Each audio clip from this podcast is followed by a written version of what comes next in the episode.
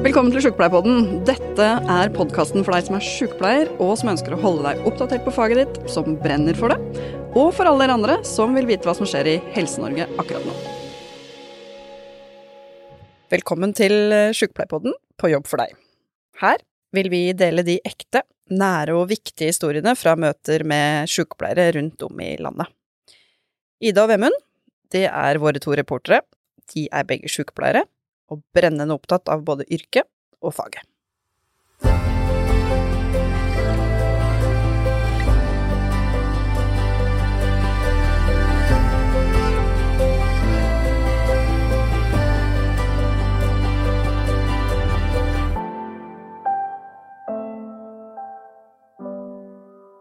Hei og velkommen til På jobb for deg. Jeg sitter her nå i studio med Ida, og mitt navn er Vemund. Vi skal ta og snakke litt om uh, hva som har skjedd i det siste, hvem vi er, og hva planene er videre.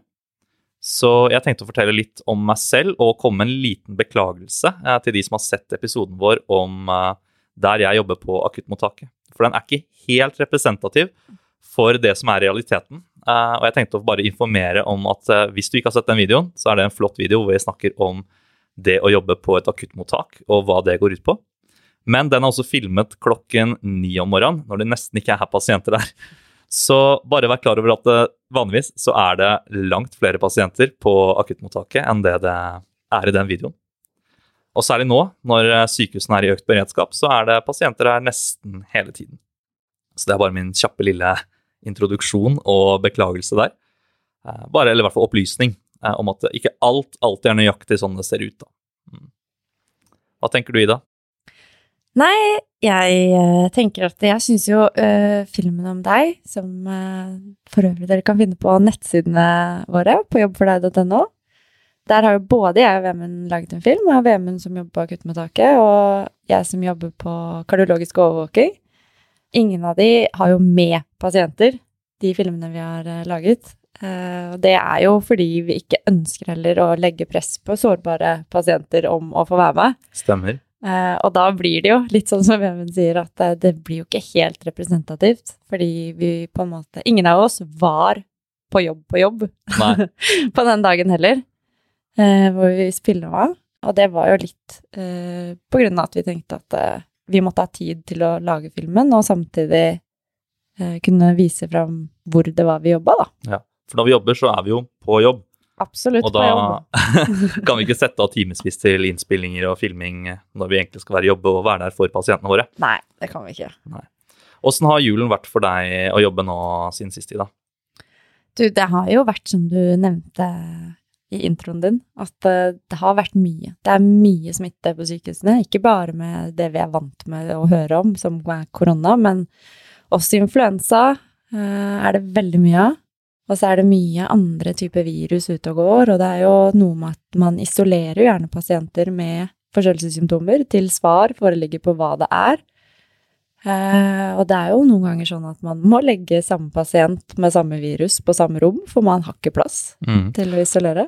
Jeg må skyte inn der at uh, der har jeg hatt en kjempeutfordring, fordi pasientene som kommer til oss på akuttmottaket, de vet jo ikke om har smitte når de kommer.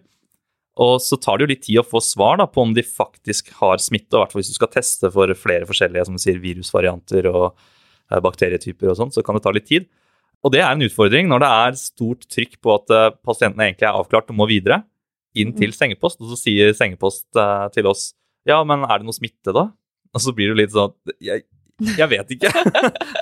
uh, så, så er, da, da, må vi liksom isolere da, fram til vi faktisk får svar på det. Ja. Uh, og det blir jo et stort irritasjonsmoment for de som jobber inne på sengepostene. da, At ikke det på en måte er litt sånn avklart.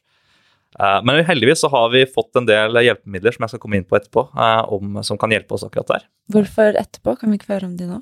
Jeg kan godt ta det nå. Ja, ja. På akuttmottaket så har vi to måter å identifisere om det er smitte på pasientene. Eh, vi kaller det for hurtigtest, som utføres på laboratoriet. Eller det vi kaller for lyntest, som er et apparat vi har fått på mottaket. Eh, hvor du kan ta og teste for koronavirus og influensa og få svar på 20 minutter. Wow. Eh, og den er mye mer presis enn det disse hurtigtestene man kjøper i butikken her.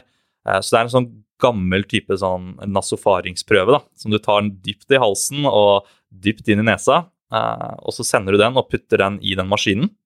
Og etter 20 minutter så kan du finne ut om de har eh, virus eller ikke.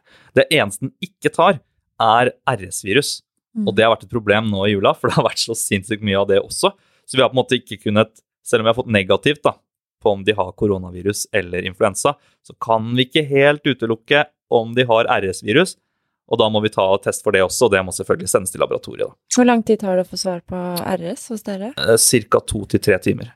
Mm. Og det er, hvor lang tid er Eller hvor lenge er pasientene på akuttmottaket? Det varierer veldig. Eh, og det er litt der da, at vi er veldig på det at vi må teste dem med en gang de kommer inn. Ja. Eh, det er som noe av det første vi nesten gjør, er å få testa dem bare for å utelukke, utelukke nettopp dette her.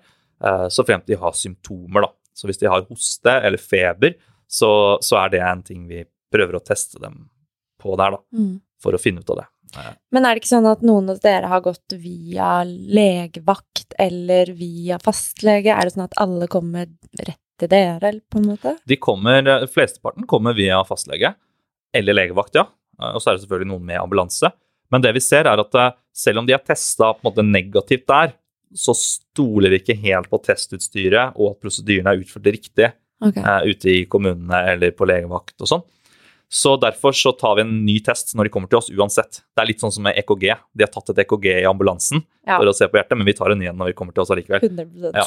Selv om det ikke er noen symptomer der, så bare vi tar det allikevel. Ja. For å utelukke. Ja, vi har jo litt samme problem hos oss for de som kommer inn med akutt hjerteinfarkt. Det er ikke som om eh, de ikke kommer Noen kommer jo rett hjemmefra. Ja.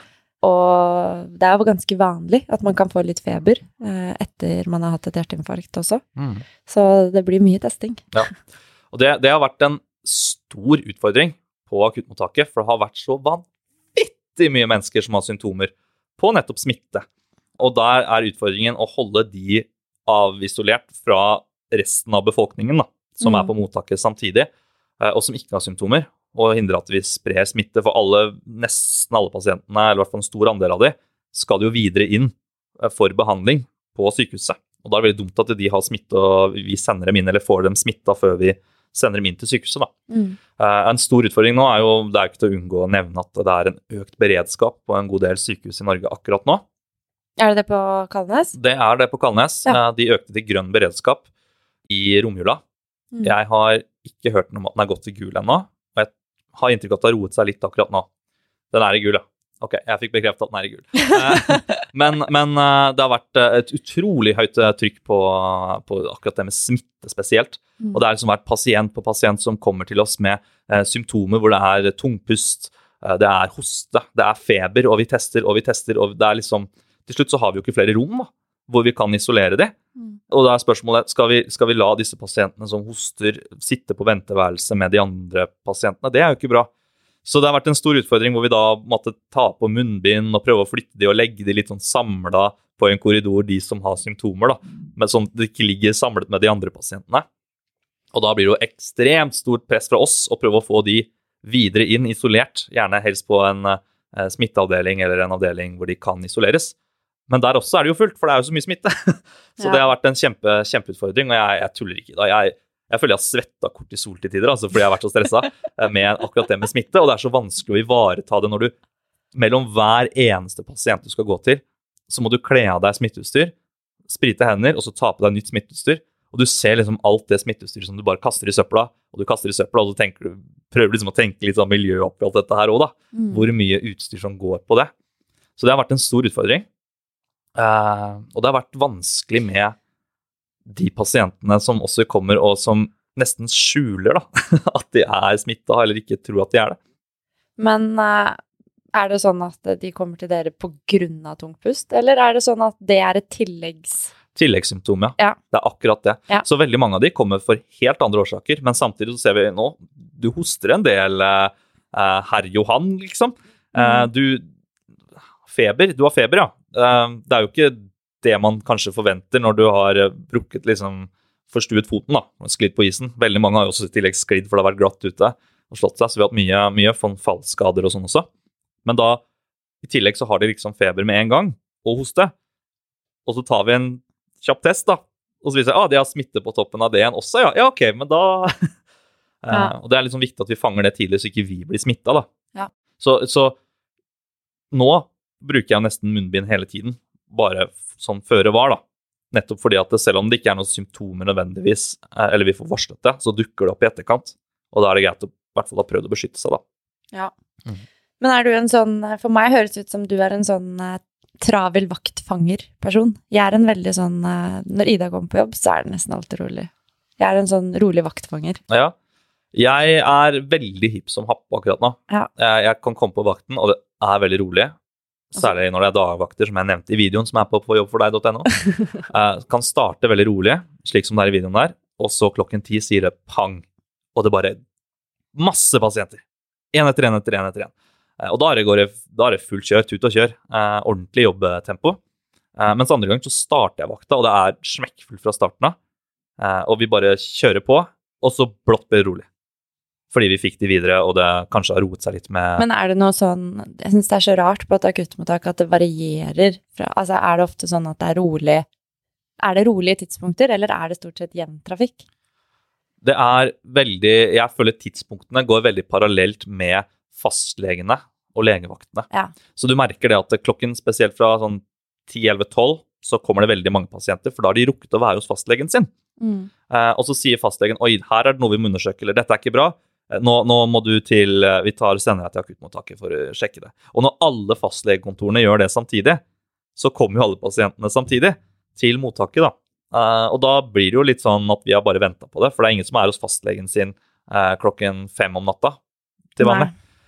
Så da er det ofte Generelt så er det rolig om morgenen, men så blir det veldig trøkk utover dagen på det. Men så roer det seg litt igjen, gjerne i sånn tre-fire tider, er min hypotese, da. Fordi da stenger jo alle fastlegekontorene. Og da må alle dra til legevakta i stedet. Og det tar litt sånn tid før det skjer, for alle som kommer til legevakta før fastlegekontorene har stengt, sier jo ja, det her kan du ta hos fastlegen din. Så, så det får en sånn lite sånn pusterom, og så er det fullt trøkk å kjøre igjen fra legevakta fram til kvelden, på en måte natten. da. Og så på natten så pleier det alltid å roe seg litt.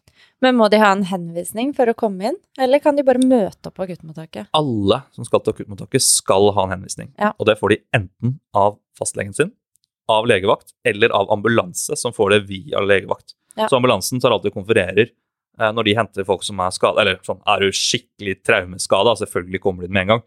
Men ambulansen tar alltid kontakt og hører med sykehus eller med legevakt om hva de skal gjøre med pasienten, om de skal kjøre den til legevakta, eller om de skal komme den til ambulansen. Og da får de en henvisning ja, til akuttmottaket.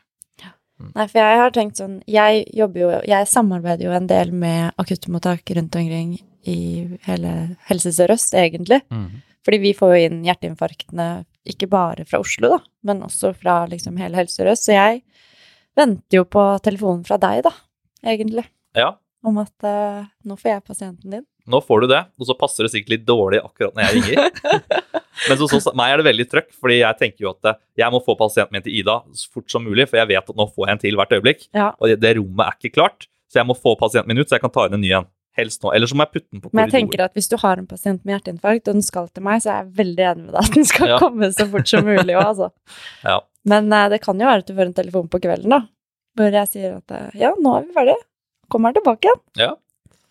Så da må du rydde plass. Mm. Og det har jeg merket mye av det siste, når jeg har eh, meldt pasientene tilbake til det som da heter lokalsykehuset, altså det sykehuset pasienten tilhører, om at eh, ja, her er det smekkfullt. Og så har det jo vært så enormt dårlig vær, og det har snødd så enormt mye, og ambulansen er jo slitt med å få henta pasientene. Mm. Eh, Så vi har jo, det har jo begynt på en måte å Det hoper seg greit opp, da. Også hos oss. Men eh, vi er jo ganske Jeg vil påstå at den avdelingen jeg jobber er heldig der, da, i forhold til at vi har muligheten til å sende videre. Men det er også fordi vi er på en måte Det er ikke våre, kall det våre pasienter, da. Eh, Med tanke på at de ikke hører til eh, Rikshospitalet, men de hører til andre sykehus, da. Mm. Så vi utfører behandlingen, og så sender vi de videre, da. Hjemover, kaller vi det. Skal du hjem. Ja. Og så har det vært mye smitte, som nevnt. Vi var jo innom det. Mm. Og en stor utfordring jeg har sett da, med smittepasientene, er at de, de tror ikke selv at de er smitta, eller de er ikke klar over det. Eh, og det er så fascinerende, for de kommer jo til oss med symptomer. de hoster, de har feber, det verker i kroppen, og da tenker jeg influensa med en gang. Det gjør alle kollegaene mine nå, for særlig influensa har det vært bare helt vanvittig mye nå Mm. eh, i jula og romjula. Og da sier alltid pasientene nei, jeg, jeg har ikke noe influensa, jeg kan ikke ha koronavirus. Det går ikke an, for jeg er jo vaksinert.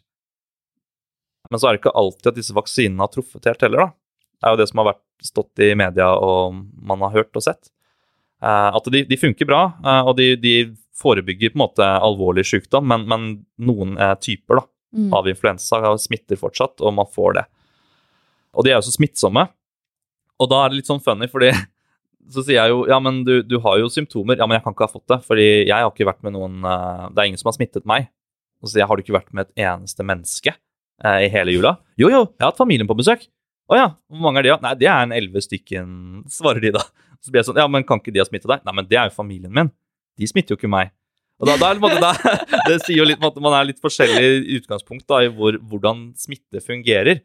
Eh, Så, så vi har alltid vært sånn at når de pasientene kommer inn og man ser det, så bare gradvis forsiktig lener jeg meg bort til et munnbind og tar på meg det når, eh, når vi startet med å få disse smittepasientene. Men er det ikke litt sånn at eh, smitte, det hørte til 2020, og nå er vi liksom, nå er vi over det. Ja, for det er liksom Føler det er litt ferdig. sånn Hvordan var 2020? Jo, det var smitte, og 2021 så var det litt sånn kom igjen, åpne opp. Og nå er det sånn smitte, det har jeg ikke. Nei. Det forekommer ikke lenger. Folk blir sånn hva? Kan jeg bli syk av et smittsomt virus? Det tror jeg liksom ikke noe på, da. Ja, for jeg har jo hatt det. Ja, jeg har jo Mm. hatt det, jeg er ferdig med det. det er Mm. altså den Nei, det kan ikke jeg ha, eller ja. Det er jo ikke pasientene sin feil. altså Vi gjør så godt vi kan med dem. og selvfølgelig Er man smitta, så er man smitta. Det skjer jo med oss også. Men det vi har vært så redd for nå, er at det har vært så sinnssykt mye smitte. Og vi har jobbet i så sinnssykt mye smitte. Og hvordan skal jeg da kunne beskytte meg for det når jeg hele tiden møter nye pasienter, og det er en usynlig sånn virus som flyr rundt og smitter alle som vi ser på jobben? da. Så tenker jeg liksom OK, hva om jeg blir smitta, eller mine kollegaer blir smitta? Brått så blir det jo masse sykdom nå på Mm. jobben. Men foreløpig virker det som at det har gått greit. ja, du har jo klart deg bra. Jeg har klart meg veldig bra. Jeg har vært livredd for å bli sjuk. Eh, For jeg skulle på akuttmottaket sitt julebord Ja. nå ganske nylig, og det var, det var så viktig for meg å være med på det, siden jeg er nyansatt på akuttmottaket. Så jeg tenkte her er en sånn sosial event, og jeg er nødt til å bli kjent med folk og få prata litt utenom liksom, jobbsammenheng, da. Så, Men, da men, men prater du mye utenom jobbsammenheng? Det lurer jeg på. Ja. Gjør du det? Ja, ja. Jeg prater masse. Men prater du da om jobb, eller om andre ting? Det går veldig fort på jobb. Ja. men, men eh, de syns jo det er spennende, de også, da, for det Ja, ja, vi har jo til felles at vi jobber i helsevesenet. Så For jeg innbiller meg også det at eh, vi sykepleiere, når vi treffes utenfor jobb, så er samtalen mye rundt jobb. Mm. Det, liksom, det faller inn på det med en gang. Jeg har på en måte hatt med noen andre venner på noen vorspiel hvor mesteparten har vært sykepleiere, og de syns det er så kjedelig, for vi prater bare om sykepleierting hele veldig tiden. sant. Veldig sant. Så da lurte jeg på om du også var i den typen, men det Nå er jo jeg spesielt engasjert, da. Ja, det er jeg enig med deg. Så det kan ha noe med det å gjøre. Men i hvert fall, jeg fikk dratt på det julebordet. Ja. Det var veldig hyggelig. Eh, rekordpåmelding, for jeg tror alle som har jobbet på mottak nå spesielt, har hatt sånn behov bare jeg, jeg trenger å koble av litt og Ja, gjøre men noe er det ikke sånn at jule, det er vel første julebord på flere år? For mange, mange er det det. Jeg tror det er det for oss også. Ja. Eh, det er jo første gang jeg deltar, siden jeg er ny. Men utrolig hyggelig stemning. Veldig gøy å se bare folk kunne slå seg litt løs og ikke stresse så fælt. Ja. Eh, så jeg tror det har vært veldig bra for arbeidsmiljøet, og bra for på en måte, moralen da, på akuttmottaket, at vi liksom fikk slått oss litt løs. Det eneste jeg har vært litt sånn redd for, er at det er en superspreder på det julebordet, for det kan det bli krise hvis det liksom alle blir sjuke, da. Ja, det, Men uh, jeg føler meg fin. ja. Nei, det er jo litt sånn man er redd for, da. Er at eh, man gjør noe sosialt, og så blir alle uh, på en avdeling på en måte sjuke. Og så kommer media, og så Mm. Ja, altså det holder på, da. Men det er jo litt sånn at man Så lenge man følger de retningslinjene som er, man holder seg hjemme hvis man føler seg dårlig, så tenker jeg at da får man på en måte ikke gjort så veldig mye annet. Det er jo ikke sånn at eh, vi i helsevesenet skal isolere oss eh, til all evighet så lenge vi ikke får beskjed om det. Nei, vi, vi må jo ha et liv, vi òg. Og Det å være sosial med noen på jobb er veldig viktig for et godt arbeidsmiljø også. mm, Ikke bare løpe rundt og så vidt se hverandre i gangene og på en måte Ja. Det er viktig å ha det litt gøy òg. Har det vært mye smitte hos dere på hjertet? Ja, det har jo på en måte det. Eh, Vi er, vi er jo ikke noe unntak eh, fra regelen, vi heller. Men eh, Vi har ikke hatt det samme, vi hatt det samme trøkket sånn, som du snakker om der, men mye mer enn vanlig. Mm. Eh, men jeg tror ikke, i hvert fall sist jeg sjekka, så var ikke Oslo universitetssykehus i beredskap i noen form. Nei. Eh, jeg vet at på intensiven så begynner det å bli ganske fullt. Eh, men det er ikke nødvendigvis bare av smittepasienter og sånne type ting. Det er ikke 2020-stemning som det var. Da var det helt krise. Da var det jo, hvis du tok inn en pasient fra et eh, lokalsykehus som var dårlig, og vi skulle gjøre noe, og det var fare for at den kunne havne på intensiven, så ble jo disse på intensiven dødsforbanna på oss for at vi tok den inn. Altså ikke vi sykepleiere, men på lege, legenivå, da. Mm. Så da var det jo krise. Men um, jeg, jeg syns det er litt bedre nå enn eh, det var den gang, da. Men klart mye mer de siste månedene enn det var på sommeren, på en måte, da. Jeg skal ikke jinxe det helt, men jeg liker å tro at det, det verste er over på hvert fall det sykehuset jeg jobber nå. Ja. Det virker som det begynner å bli litt roligere nå. Uh, Men nå har du jinxa den. Hæ? Nå jinxer du den. Ja, nå jinxer jeg det veldig, så da ja, Hvis det skjer, så Men eh, jeg- hvis jeg kan trøste deg med, da, så er det sånn at når jeg ringer til eh, lokalsykehusene og melder pasienter tilbake igjen, så er det mange som blir sånn ja, nei, vi har jo ikke plass her, Altså, det skal vi se den avdelingen den pasienten hører til. Ja, nei, det blir tredje korridorpasient, det, og det, og det er gjengående over hele. Mm. Så hvis det er en mager trøst, så er det at eh, vi, vi gjør det sammen på hele Helse Sør-Øst. Så står vi for en, eh, en liten krise med at det er mye pasienter. Og det er jo derfor mange sykehus går i beredskap nå også. Det er det. Så Men Ida, ja, vi skal ut og reise. Det skal vi. Mm. Vi har jo allerede reist litt. Det har vi, og nå skal vi reise enda mer, både nord og vest og øst, og besøke dere som er der ute og jobber som har gode historier. Ja. Og vi trenger eh, at dere som hører på, som har lyst på å besøke oss, både enten om dere tenker at vi skal komme og filme hos dere, eller om vi skal spille en podkast med dere, men send oss gjerne tips. Vi har jo en eh, e-postadresse, Mm. og den e-postadressen er jo tips at påjobbfordeg.no. Så det er bare å sende inn. Vi Send eh, leser alle tips vi får, og tar kontakt med de vi syns det er aktuelt med, og foreløpig så alle de tipsene vi har fått, har vi på en måte egentlig vurdert. Ja. Så vi har fått inn veldig mye bra tips, men vi vil gjerne ha mer. Mm. Om eh, du eller du vet om noen vi burde besøke, både eh, sykepleiere, og, men også hvis det er noen pårørende som hører på, eller pasienter som hører på, som har noe de tenker kunne vært aktuelt eller har lyst til å snakke om, så er det bare å sende tips. Det gjør det. Mm. Tips at påjobbfordeg.no. Gjør det, så leser vi dem, Også, Eller dere kan sende, sende oss meldinger hvis dere vil det også. Vemund er jo ganske kjendis, for de som ikke er klar over det, på Instagrammen sin. Jeg tar imot meldinger, for all del, Ja. men gjerne send det til e-posten også. Altså, Ja, ja. Det går fint. Mm. hvis det er det Ja. For da, ellers blir jeg sånn mellomledd. Og det, det går helt fint. Jeg syns det er veldig hyggelig, men da tar jo ting litt lengre tid, da. Ja. Produksjonen vil gjerne ha det på tips at påjobbfordeg.no. Nå prøvde jeg liksom å reklamere litt for deg, da. Men, Ja, det, eh, jeg setter veldig pris på ja, det. er Det er bra.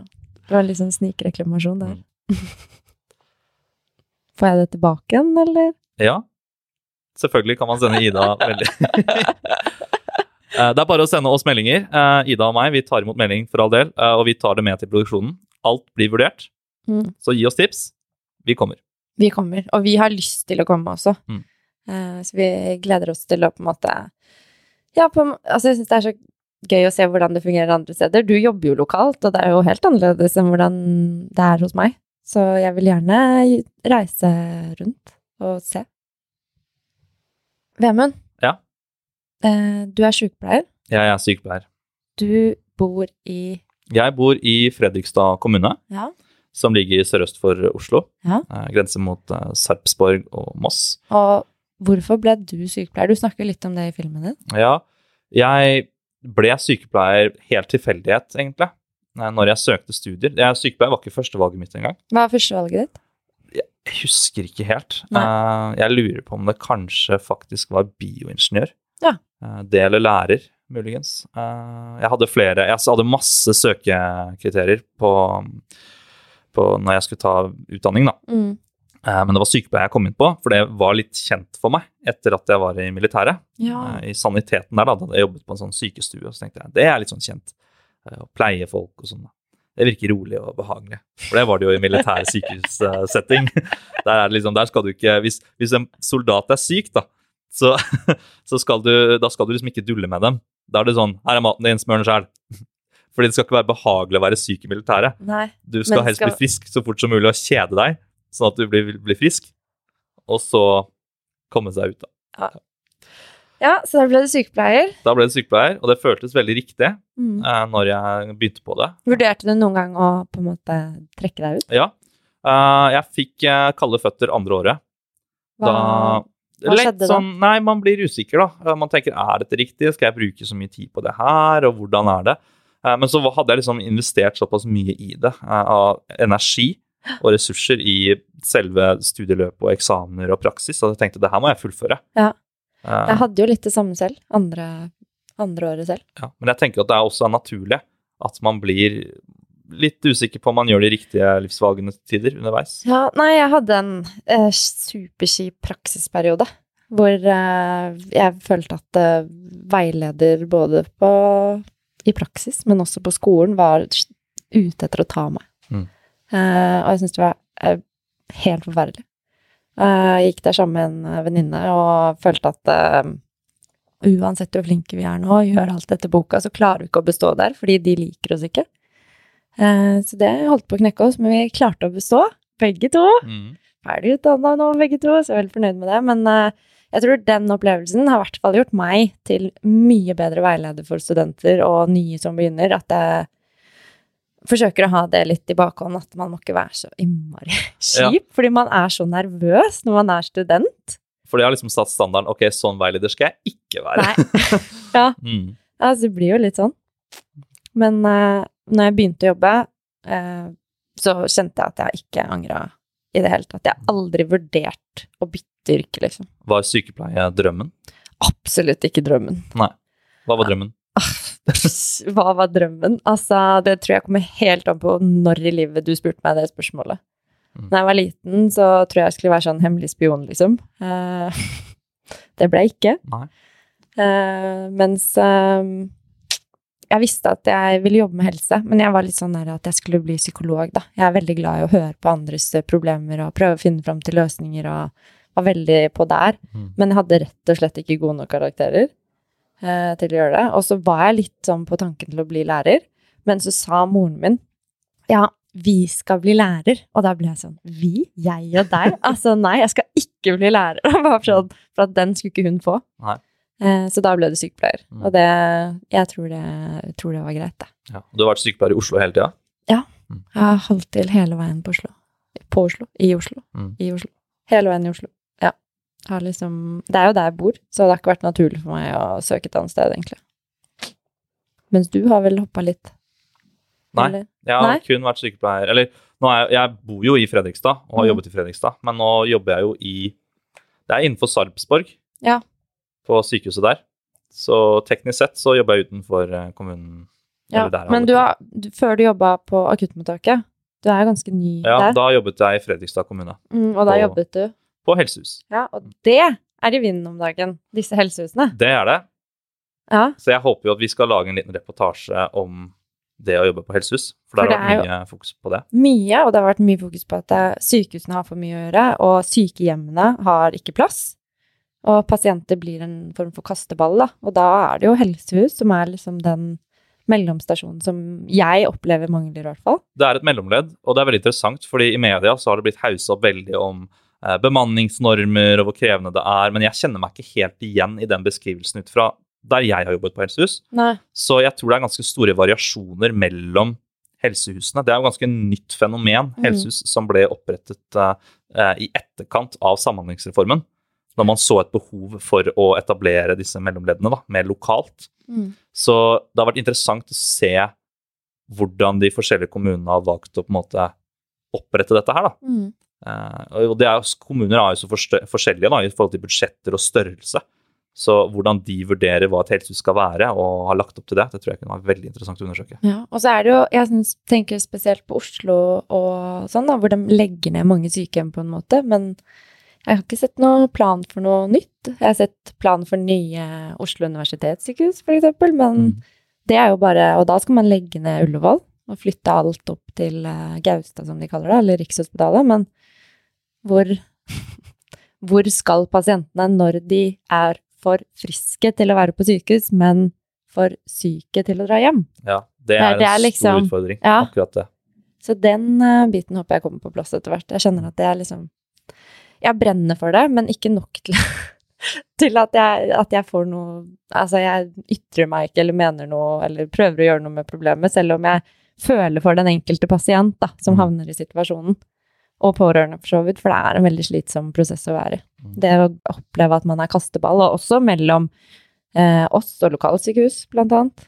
Ja. Liksom Særlig pårørende tror jeg er de som får kjenne veldig på støyten der, og ansvar de kanskje egentlig ikke alltid burde ha, da. Ja, og spesielt pasienter kanskje med eh, forskjellige diagnoser, da. Så er det sånn, eh, ok, har du mest, er du mest en hjertepasient, eller er du mest en gastropasient? Fordi at eh, ingen har egentlig plass til å ta deg, og da må du liksom, ja, du blir kastet rundt, ikke bare mellom syke til sykehus, men også avdeling til avdeling, ja, at det blir mye sånn, da. Mm. Og der tror jeg helsehus kan være med å bidra mye. Det tror jeg.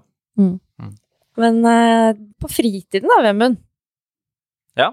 Hva, eh, hva gjør du når du ikke er på jobb? Jeg sover. Ja, Eh, Så deilig. jeg sover, jeg går tur, jeg, uh, jeg slapper av og prøver å lade opp batteriene. Mm. Jeg engasjerer meg i sosiale medier, Ja. og jeg tilbringer mye tid med min samboer. Mm. Stort sett det. Det er hyggelig, Mm. for du har en samboer. Jeg har en samboer. Og hva driver hun med, da? Hun er også sykepleier. Hun er også sykepleier, ja. Hun jobber natt eh, på helsehus, faktisk. Oh, ja. Mm. Og er fast nattevakt, da. Så vi jobber veldig forskjellig. Det er kanskje en av utfordringene i hvordan vi jobber, fordi jeg jobber jo nå i tredelt turnus, Ja. som er både dagvakt, kveldsvakt, nattevakt og mellomvakt.